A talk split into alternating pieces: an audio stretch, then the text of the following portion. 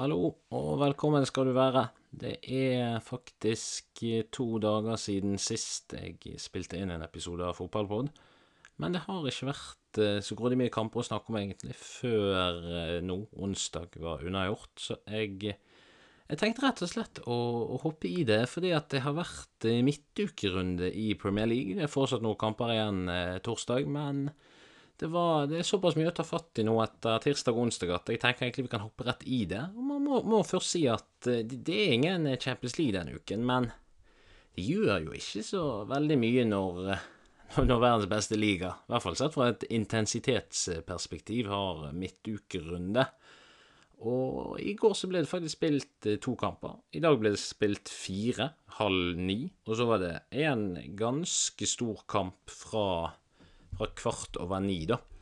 Så jeg Det er egentlig bare å hoppe i det. Så det, det har vært målfattig, syns jeg, disse kampene tirsdagen og onsdagen så langt. Om det kan skyldes kampprogrammet? Ja, mulig. Det er vanskelig å si. Men, men. Takker nå bukker vi for midtukekamper. Velkommen til fotballepisode 20 med meg, Fredrik Mjelheim. Og eh, i går så ble det unnagjort noe. I går så spilte Brighton 0-0 mot Nottingham Forest, og Palace vant eh, 2-1 mot Wolves. Men det er ikke her vi starter, min, min kjære lytter. Jeg tenker hmm, Manchester eller Liverpool jeg, ten jeg, tenker vi starter med Manchester United sin 2-0-seier over Tottenham. Siden det var et fyrverkeri. Og så går vi videre til Liverpool-Westham, og så går vi innom litt de andre kampene. Jeg tenker vi gjør det sann, jeg. Så ja, vi hoppa i det. Manchester United de slo Tottenham 2-0. Og ja, det var fyrverkeri av en fotballkamp, i, i, hvert fall hvis du er Manchester United-supporter, for det var Men, men, men det var totalforandret siden 0-0 i helgen mot Newcastle. Og det som var snodig for min egen del, egentlig, var jo at alt jeg opplevde at jeg hadde kritisert av United, det, de områdene jeg da hadde kritisert jeg opplevde at det var de områdene United virkelig pre presterte på i dag. Jeg slaktet jo Fred etter Newcastle-kampen. Se på han nå. Jeg slaktet at United hadde for mye innlegg fra bak, fra bak 16. Og i dag så var Fred en ekte brasilianer. Og United hadde noen nydelige gjennombrudd gjennom, gjennom 16-meteren. Det var lite av de der tøvete innleggene som jeg har kritisert fra bak 16. Det var det var en veldig sånn rar opplevelse at plutselig sitter man og ser at alt man har kritisert, gjøres perfekt. Det, det er veldig sjeldent i livet man egentlig opplever, så, dette, var, dette, var, spennende. Jeg, jeg, vil tro at alle Manchester United-fans er rimelig i himmel. Det, det, hadde jeg vært, for, for, å si det mildt, for dette var en kanongod prestasjon av Manchester United. Og så er det et par ting å ta med seg fra Tottenham, men det skal komme tilbake til. Eh, Tottenham gjorde så de ofte gjør borte. De endrer fra 3-4-3 til 3-5-2, i hvert fall så de ofte gjør borte mot topp seks og under Conte, og legger seg lavt.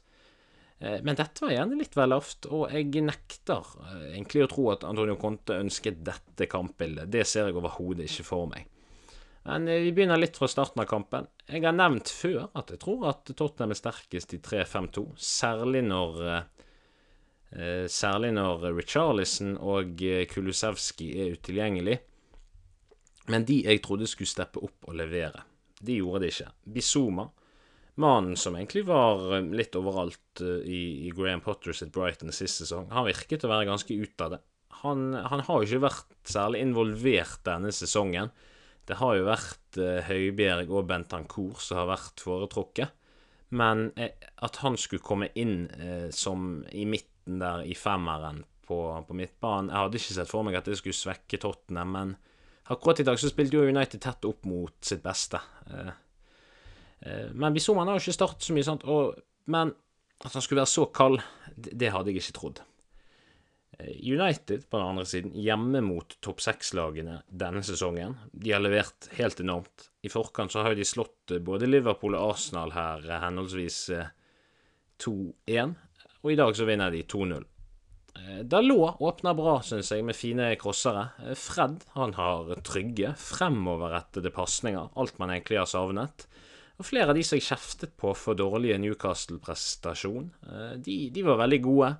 Fernandes var egentlig tilbake til pre-Ronaldo sin ankomst, Fernandes. Og, og, det blir jo selvfølgelig igjen et tema at United god under Ronaldo sitt eh, fravær. Og så blir det selvfølgelig et tema måten han stormet ut på etter eh, Eller under, det var vel på 81. minutt. Da valgte han å gå inn i garderoben, og nok er nok, jeg kommer ikke inn, da går jeg vekk. Så jeg kommer litt tilbake til det, selv om jeg tror egentlig mange andre mediehus vil dekke det nok. Eh, Tottenham var de første tre fire minuttene av kampen høyt ute, høyere enn de pleier å være på bortebane. Men etter det så var det egentlig kun United fram til dommeren blåste av hele kampen. Eh, Shaw og Sancho de har jo jeg kritisert litt før for for dårlige relasjoner, og de var litt klussete de første minuttene. Men etter hvert så kampen går fremover, det blir bedre og bedre pasninger, og, de får et bedre og bedre samspill, og særlig med Fernandes og Fred, som er veldig aktiv på deres side. Eh, og der United var, skal vi si, eller har vært 90 tidligere i år, så var de nå helt i 100 Fred tester Joris eh, fra langskudd, og, har, og jeg er veldig god på en corner-variant like etter. Fred så god, tenkte jeg. Ah, dette er virkelig spennende. Det er veldig lenge siden han har vært så god. Om, det, om han noensinne har vært så veldig god, det er ingen kritikk. Dette er egentlig en ganske hyllest av hvor god han var. Så ja, kanskje skal begynne å slakte spillere eh, oftere. Det, da virker det som de får en utrolig god kamp rett etterpå. Men det er to lag som møtes, egentlig er best på kontring. Men Fred, Bruno, Casemiro, Faran, Lisandro Martinez I dag så har de så dedikerte roller for å stoppe det. Og én ting er så veldig viktig i fotball. Det er å ha komplementære roller og komplementere hverandre. Akkurat som på hvilken som helst arbeidsplass og i livet generelt. Du kan ikke ha elleve folk som kan én samme ting. Du må ha elleve folk som kan elleve ting, og som spiller hverandre gode. Det som Pep Guardiola sier med Jeg kunne tenkt meg eh, ti David Silva på banen for å ha 100% possession. Han er kanskje et unntak, da, men de fleste andre managere vil ha komplementære spillere som spiller hverandre gode. Det var ingen svakhet av denne kampen som ble avslørt hos United. Fred spiller, eh, spiller eh, Varane Martinez veldig god med å dekke rom. Samme gjør Casemiro, og Casemiro i sin tur spiller òg Fred god med at han henger igjen. Og da kan Fred blomstre både offensivt og defensivt. Og Fred er jo en type spiller jeg ser for meg er på sitt beste med denne Casemiro-typen ved siden av seg. Det, det, er ikke noe jeg bare har funnet på. Dette er noe som er vist på det brasilianske landslaget over ganske mange år. For Fred Først Casemiro. Han er en veldig typisk defensiv midtbanespiller. Åpenbart. Han er best, bedre defensivt enn han er offensivt. Casemiro er veldig flink på å dekke rom og intercepte og stoppe kontringer og farligheter før man for kanskje den jevne supporter innser Oi, nå er det trøbbel. Casemiro stopper det gjerne før man innser det. Det er en veldig god spiller. Og Fred tror jeg blomstrer av å ha en ved siden av seg. For da kan han spille på styrkene sine. Høy gjenvinning, eh, høy frekvens, plage midtstoppere. Tottenham kommer aldri helt i gang med frispillingen sitt, og det må Fred og, og dels Fernandes ha mye av æren for. Men det er kun mulig pga. den kombinasjonen av spillere United har utpå på der i dag. For, for de spiller hverandre veldig god, syns jeg, og det var, det var, veldig kjekt å se. Det, men jeg er jo ikke i tvil om at Manchester United har et godt fotballag, men man har savnet å se de spille hverandre så gode at alle får liksom shine med, med sine styrker, og det gjorde de i dag. Det, det var veldig kult å se. Og sånn fotballfaglig var det veldig fint å se at disse spillerne som man vet er gode, men som blir så latterliggjort og gjort narr av på sosiale medier, og sammen, altså før det for en stund siden. Nå, nå, nå er det noe et komplett fotballag over det, egentlig. Og det er tross at uh, type som Eriksen ikke startet. Det var uh, veldig bra. Og du så litt dette med Casemiro i Real Madrid. Han spilte Tony Cross god, og, og Modric fikk være Luka Modric. Han fikk briljere.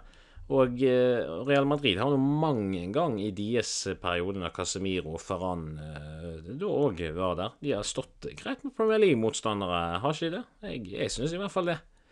Til og med David De Gea i dag forsøker tidvis eh, litt frispilling. Og, og det, det, tror jeg er av følgende årsak. Kanskje han er motivert for å få en ny kontrakt med tanke på å passe Ten Hag bedre. Jeg hørte en podkast fra The Athletic om Manchester United. Eh, og Der sier deres kilder at David Rea ønsker en, en, ny kontrakt med Manchester United, men det er faktisk Manchester United som avventer. Og hvorfor det? Jo, Erik Ten Hag han vil ha en frispillkeeper som ikke skyter ballen ut eh, hver gang. Han vil i hvert fall ha en keeper som sentrer ballen oftere enn han bare pelmer han ut. Og hvorfor det? Jo, se Klopp og, og Guardiola. De har Ederson, Alison. De er gode på å spille ut, særlig Ederson. Og de gangene David Rea ikke frispiller, så ser man at Casemiro annet har forsøkt å peke i forkant hvor han skal sentre.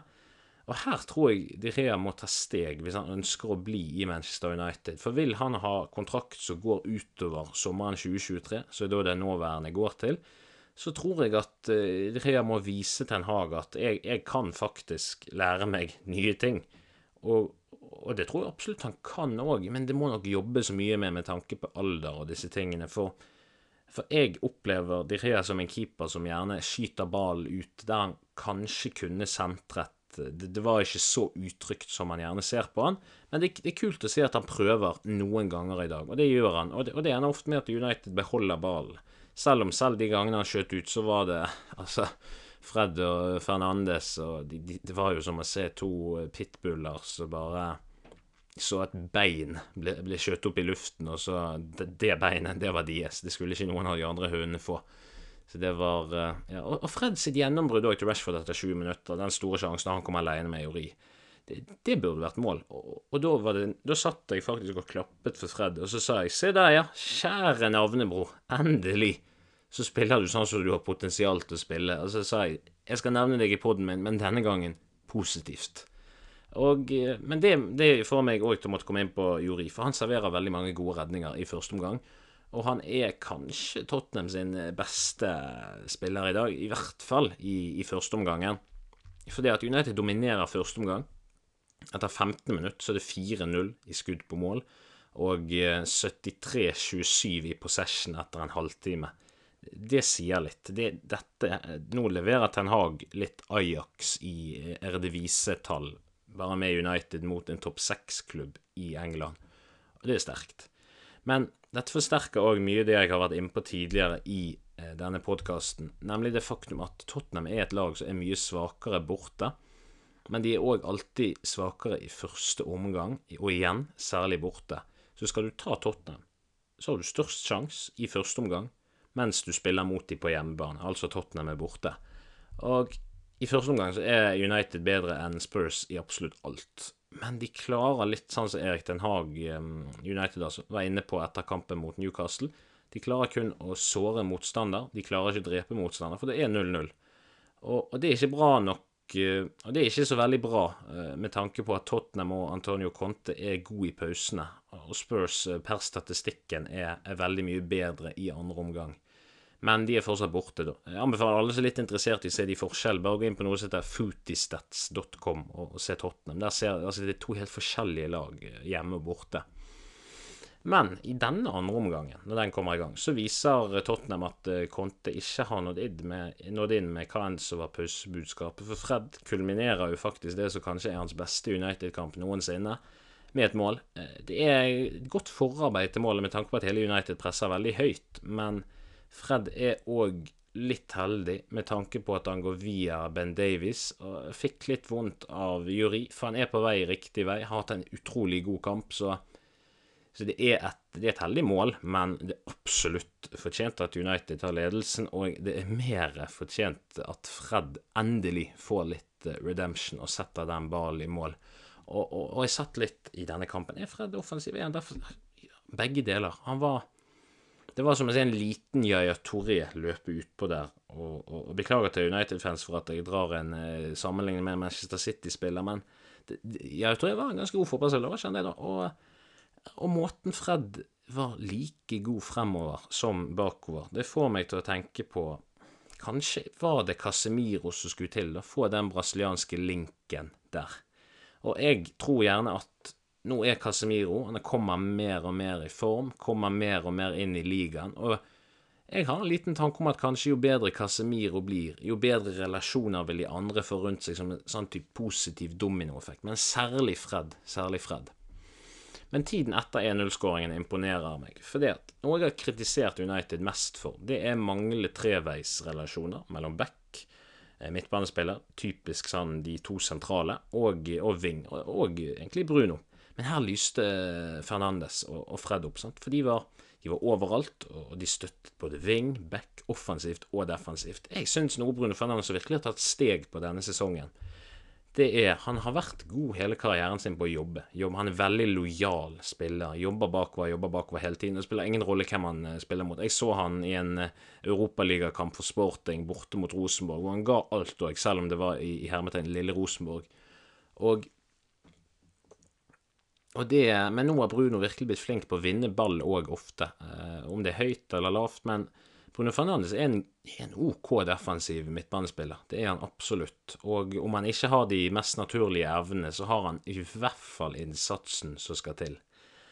Og eh, når de vant ballen, eh, Luke Shaw var tilgjengelig. Sancho spilte de andre god. Eh, Sancho hadde ikke de, de mest målavgjørende involveringene, men han, han, virket trygg med ballen. Han tok ikke unødvendige sjanser. Det var ikke sånn crazy, desperate innlegg. Hel, altså, alle hadde en sånn tålmodighet, særlig i første omgang, men òg i andre, på at dette tar vi. Det var ikke noe stress selv om det var 0-0 eller 1-0, og det var ikke sånn at Tottenham løp i angrep etterpå, eh, utenom den ene da, eh, til Kane. Det var United hadde egentlig kål på dette hele kampen. Veldig bra.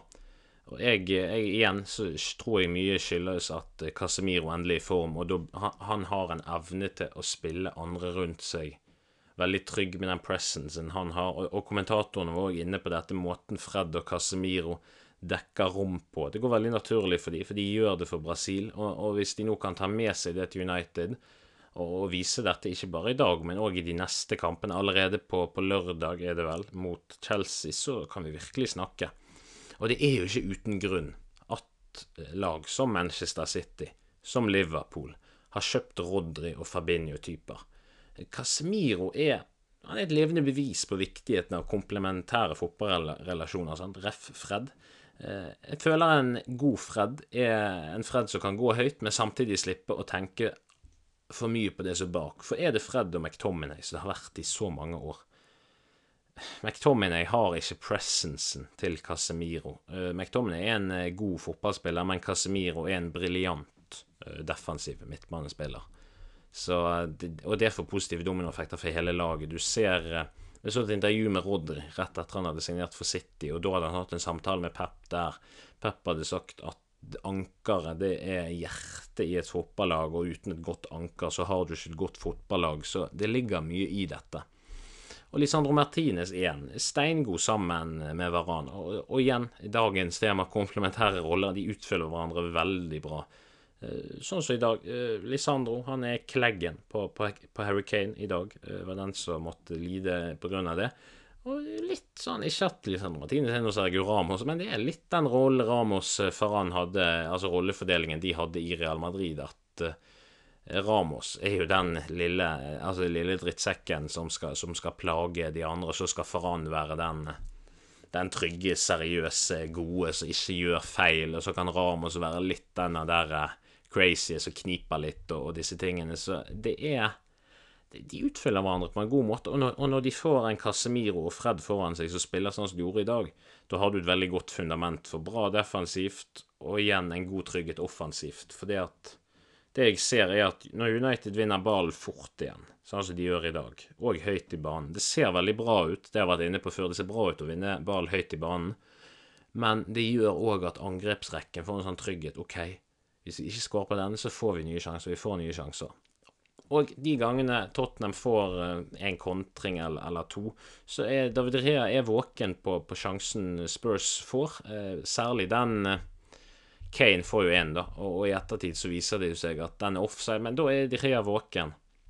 Og én ting jeg vil trekke inn om United, det er at før kampen om det, det, er noen dager siden, så hørte jeg òg en annen podkast. Uh, han heter vel Talk of the Devils. Det er en sånn United-pod. Uh, og, og, der kritiserte de etter Newcastle-kampen. Da hadde de sett seg ut Sancho en god del, og kritiserte han en del for å drible for lite og ikke spille sånn som han gjorde i Dortmund. Og, og jeg kjente at dette blir veldig enkelt, fordi at du må snakke relasjoner. Hvis det hjelper ikke å, å, å Hvis du hadde satt Sancho nå inn i for eksempel eh, ta, Si Leicester, da. Altså, og, men der ser du jo Madison. Litt lignende eh, spiller.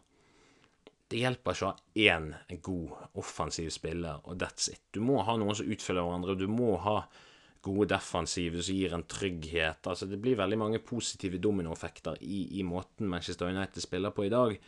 Og det er ikke sånn at en wing skal drible mest mulig. I hvert fall ikke min bok. Min tanke i, i 4-2-3-1 at vingen skal ha et godt samspill med tieren Bruno.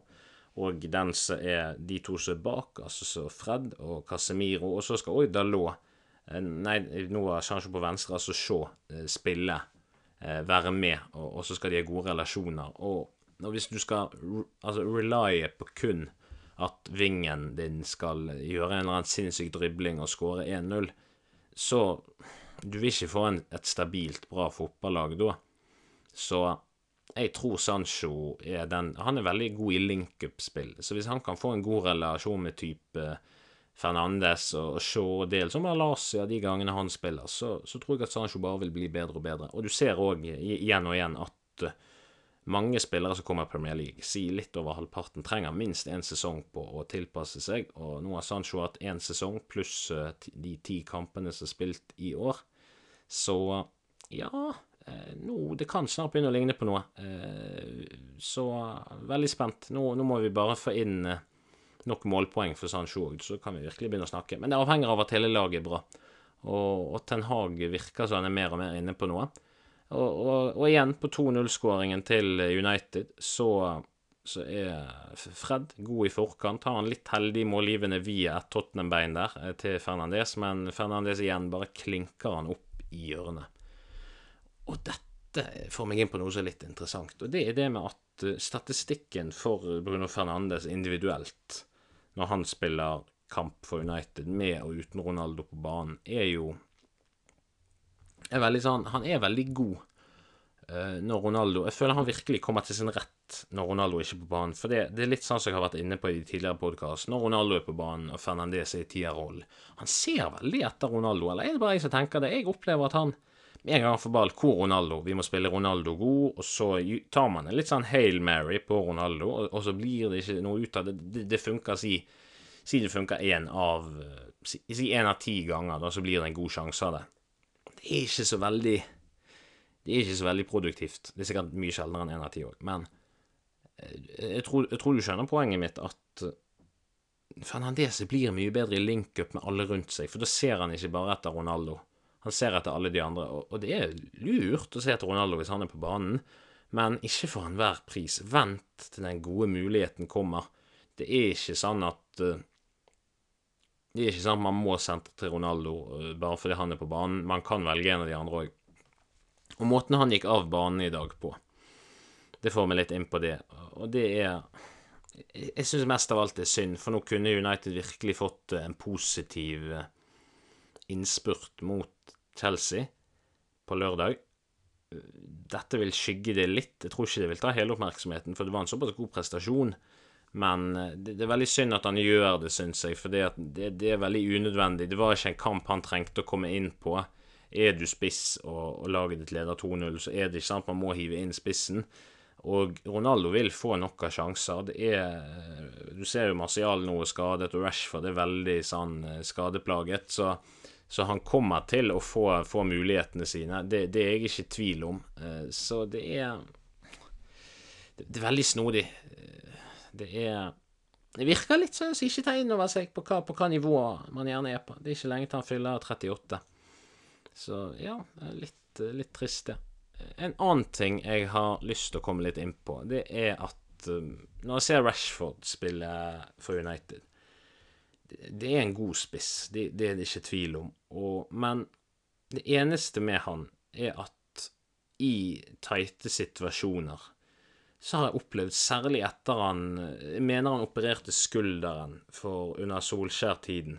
Og etter det så har det virket han kanskje de gangene der han ga alt, så trekker han seg litt i frykt for å lande for skjært på om det høyre eller venstre skulder, husker ikke jeg, men og det har han sagt før i noen intervjuer, har, har plaget han litt. At den litt sånn angsten for at en skade skal eh, blusse opp igjen. Det, det går an å forstå. Eh, men på dette nivået så er Så er altså Og, og, og trekker du deg 2% på dette nivået, så det er ikke som om legen i Norge hadde nå sykemeldt deg 2% og du hadde kommet, kunne komme tre minutter senere på jobben. Sånn banalt eksempel. Nei. Men, men, på dette nivået så er det forskjell mellom mål og, og, og at du ikke får tak i ballen. Uh, så det er ja, det er, det er, jo synd, for han var jo veldig lovende. Og så har han jo hatt disse ryggproblemene òg, eh, og, og, du ser jo at de gangene når han var 1920, som, eh, så løp han og, og, ga alt hele tiden i presspillet. Men de eneste gangene nå syns jeg at av og til på midtstopperen og midtstopperne til Tottenham og, og Jori, så er han litt eh, Skal vi si 75% i pressingen. Det er det eneste jeg egentlig har å kritisere United på i dag. Det er det er det.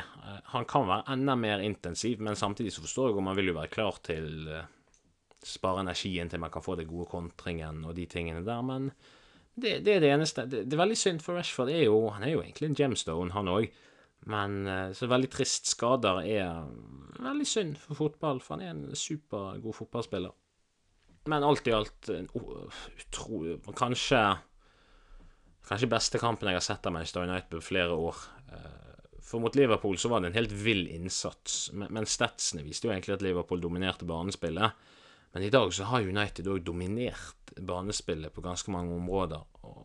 Så det ville overraske meg veldig hvis det blir eh, mye endringer eh, i forkant av Chelsea-kampen. Det eneste er jo hvis Eriksen begynner å bli bra igjen, så Men Ten Hag har jo egentlig vist nå at han gir fornyet tillit til det som funker. Så jeg tror vi, vi ser nøyaktig samme lagoppstilling eh, på, på, lørdag mot Chelsea. Det gjør jeg. Og Tottenham når Conte pleier å slå tilbake Jeg skal komme litt inn på Tottenham nå. Jeg syns ikke Kane eh, var hyperdårlig i dag. Og det er fordi han ble ikke spilt god. Han, han viser jo òg kanskje det som virkelig skiller han mest fra typen eh, spiss og Haaland. Eh, Kane forsøker, han er litt kaptein, han trekker dypt og prøver å, å, å få laget i gang. Han prøver å ta den playmaker-rollen.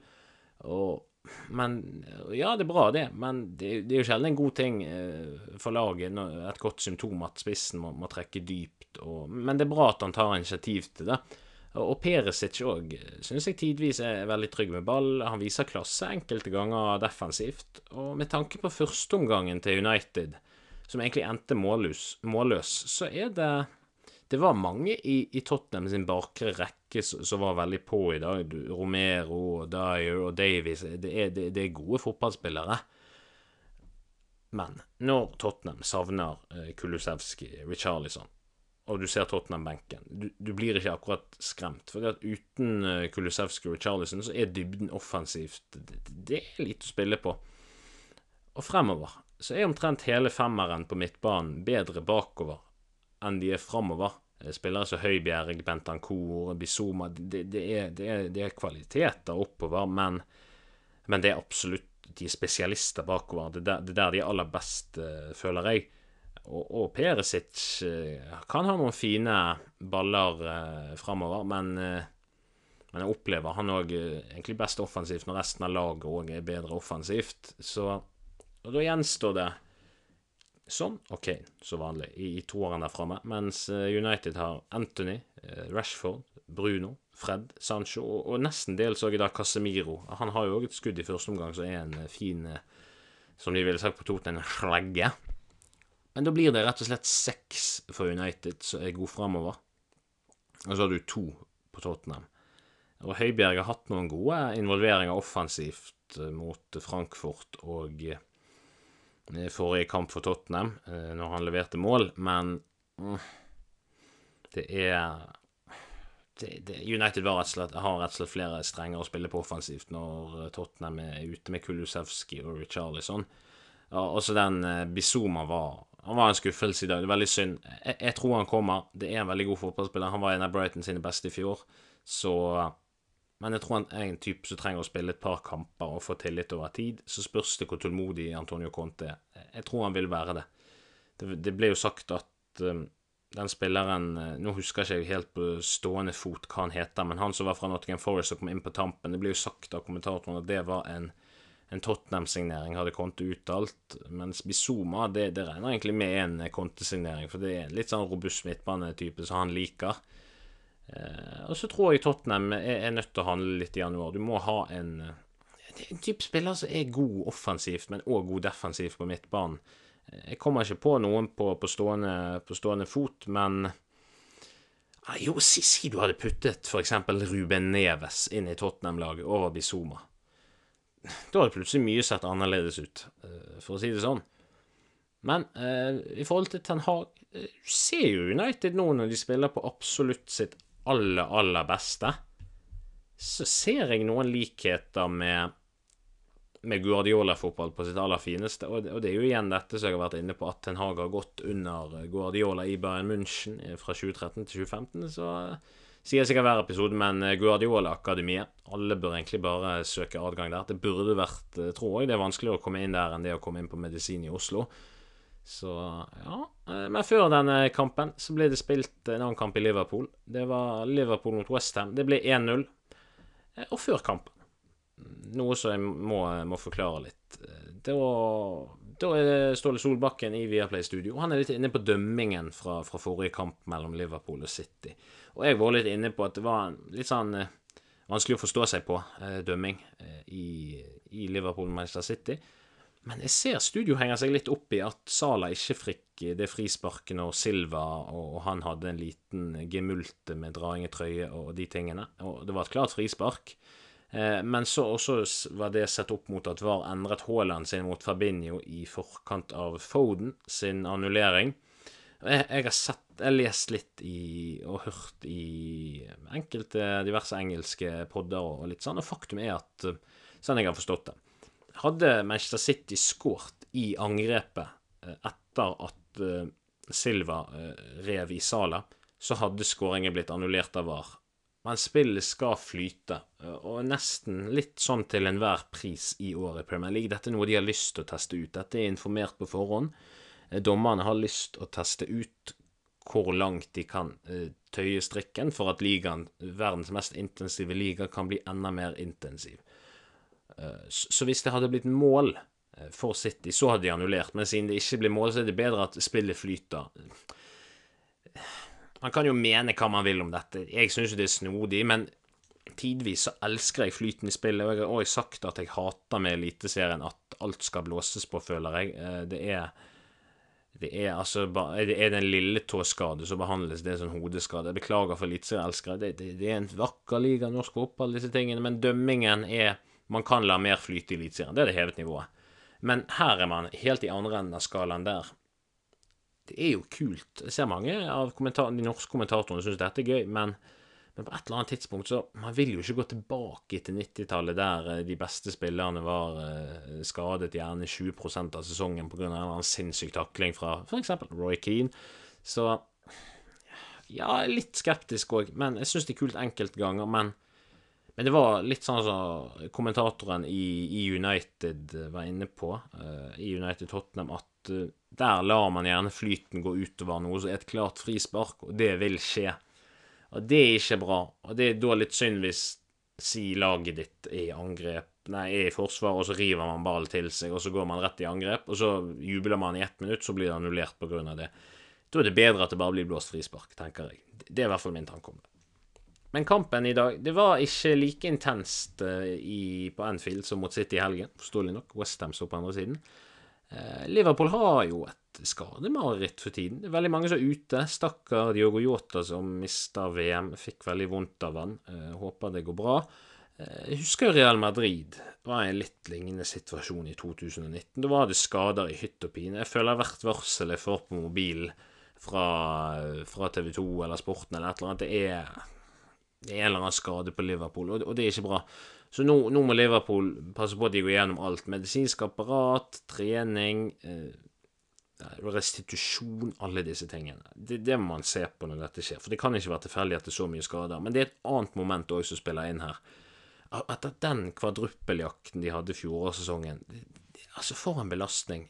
Tenk de langsiktige konsekvensene den type man, man, er med på alle kampene når man kommer til finale i så mange cuper, og, det Se litt for deg da, at du på jobb jobber overtid eh, hver tredje dag i, i, fire måneder. Til slutt sier kroppen stopp, og man må ha en liten timeout. Og, og det kan være kroppen sin måte på enkelte av spillerne på Liverpool nå å si 'nå klarer ikke jeg mer'. Eh, så Og da kommer man igjen inn, inn i dette her med hvor mange kamper eh, er det helsemessig forsvarlig at det skal være i et fotballkalender for en fotballklubb. Teoretisk sett, hvis man konkurrerer i ligacup, FA-cup, Champions League, ligaen, plutselig en supercup med en charity shield Du spiller jo kanskje 70 kamper på én sesong, og det er ikke forsvarlig. Og da må man ha dobbel dekning, men selv det er gjerne ikke nok. Så man må jo ha det helsemessige med òg. Det er det er ingen som klarer å spille 70 kamper uten å bli, bli skadet eh, eller få en belastning eller må være ute. Det, det, det tror jeg ikke. Så, så, får man diskutere hvor sunt det er f.eks. at man skal ha to eh, cuper. Type ligacup og FA-cup. Er det nødvendig? Må, må, alle lagene være med fra den og den runden? Kan man komme inn litt seinere? Gjerne enda seinere, for man kommer inn seinere hvis man er med i europacupene. Det er derfor de store lagene ikke er med før runde tre. men kan man gjerne vente kanskje til type runde fem. Altså, tenker bare høyt, men det er jo ikke gøy når man ser de konsekvensene du får fra en klubb som Liverpool. For City har jo en helt annen dekning på alle posisjoner enn f.eks. Liverpool. Så mm, ja, ja det, det, er verdt å nevne, syns jeg. Men Darwin Nunes han har funnet formen nå, eh, først mot Arsenal og, og nå i dag. Jeg, jeg, har egentlig ikke forstått kritikken mot han. Hvor mange er det som kommer og presterer fra dag én i Premier League? Det, det er veldig få. Eh, Bruno Fernandes er et av unntakene jeg har nevnt før. Og så hvis du ser på Arsenal nå. Hvor mange av de som de kjøpte for ett år siden, er egentlig først virkelig gode i år? Jo, du har spillere som Lokonga, Ødegaard, Ben White Selv om noen av de hadde vært i Premier League før, så det tar jo tid å finne seg til rette i ny klubb, nytt land. Eh, sant? Altså, for, noen som kommer fra sted i Premier League, så er det helt ny by, nye treningsverden. Altså, det er mye som er nytt, så det tar tid å, å, komme inn i det. Så at Darwin Nunes ikke var i toppslag og leverte to mål per kamp som Haaland fra dag én, det er egentlig ganske forståelig. Og det tar alltid litt tid før eh, man kan prestere på, på, det aller beste i Premier League. Sånn som Haaland har kommet inn, det er ikke vanlig. Det, det er unntak som bekrefter hovedregelen, litt sånn matematisk. Så han kommer. Og han, og jeg har sett litt på noen av tallene hans. Tallene fra forrige sesong er såpass gode at man kan egentlig ikke være tvil på at han kommer til å levere eh, typ, jeg vil tro minst 15 mål, kanskje 20-25 hvis han er veldig heldig. Men da skal han være veldig heldig. Og, men det han er nummer én på i år, det er annet skudd i ligaen, antall skudd. Og, og på touch antar Han har mest touch av alle i, i motstanderen sin boks. Og 38% av all hans totale ballinvolvering, det er jo i motstanderen sin 16-meter. Og, og, for en sånn kraftspiss som han er, så er det veldig bra. Eh, det er det. Objektivt òg. Ikke bare jeg, jeg syns det er bra. Nei, objektivt, dette er gode tall. Han er nummer én på mange ting.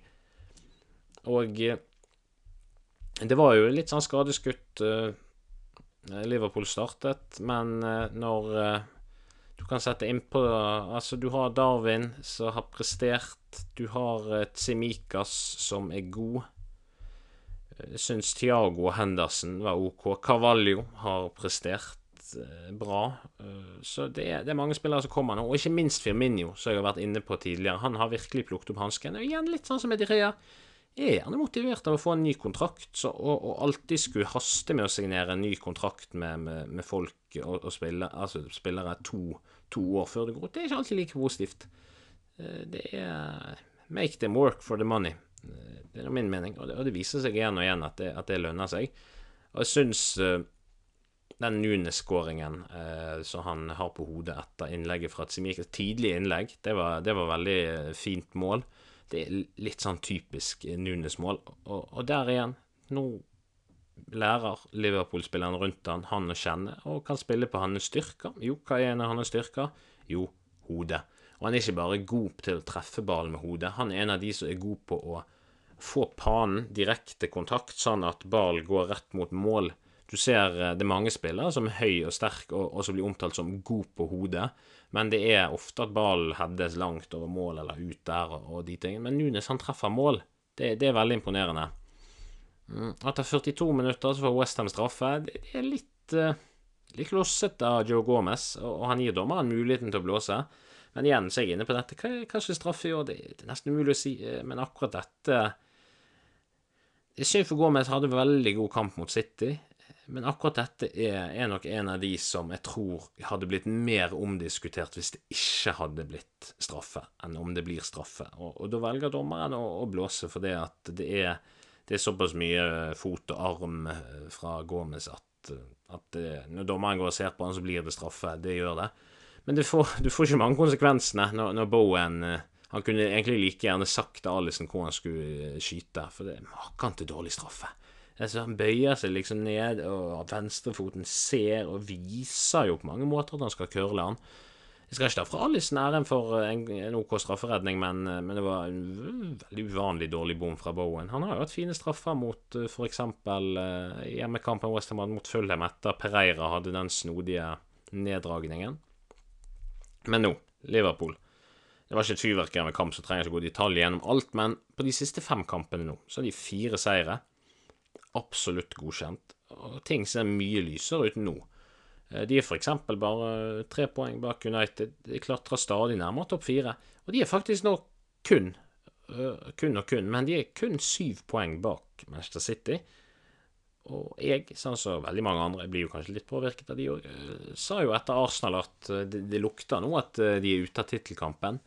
Men du kan, ikke, du kan aldri si aldri på syv poeng. Ting kan endre seg. Det hadde vært syv poeng og, og, og, seks runder igjen, så kan du si ja, det er tight. Nei, det, det er tilnærmet umulig, men, men syv poeng etter bare en fjerdedel av sesongen Ja, du kan ikke ja.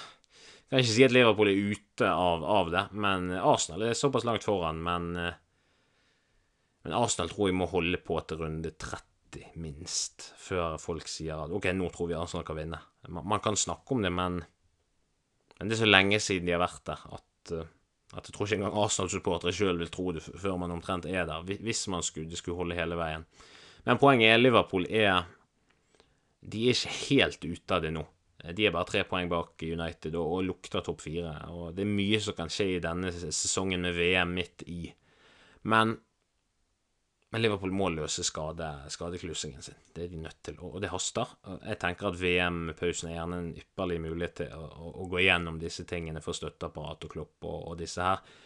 Og så har jo de noen spillere som slipper VM òg, som f.eks. Yota som blitt skadet, og, og får tid til å jobbe med restitusjon og de tingene. Men jeg registrerer at Liverpool i hvert fall har på de fem siste fire seire. Så de, de er virkelig på gang, på gang igjen med formen. Og det er tross mye skader. Ellers, det har vært målfattige kamper. Brentford-Chelsea spilte 0-0. Kepa er igjen veldig god. Han har meldt seg på. Det blir ikke bare bare for Mendy å, å spasere inn. Chelsea er OK slag. Fem strake seire før i dag og en U bort mot Brentford, så er et topp ti-lag, så det er ikke krise, det. Jeg syns B-lagene er bra. Brentford, uh, Brighton, Bournemouth og selvfølgelig TV2 sitt B-lag. Det, det, det, er gode ting. Det, er bra. Og så er det bra Potter. Jeg syns uh, jeg syns det han har gjort uh, har, han tapt med Chelsea? Jeg vet ikke. Det må jo sove maks én kamp, men jeg tror ikke han har tapt. Så absolutt godkjent start. Eh, Newcastle vant mot Everton etter et litt sånn vintage Grealish-mål fra Almiron. Han er blitt god. I hvert fall var god i den kampen.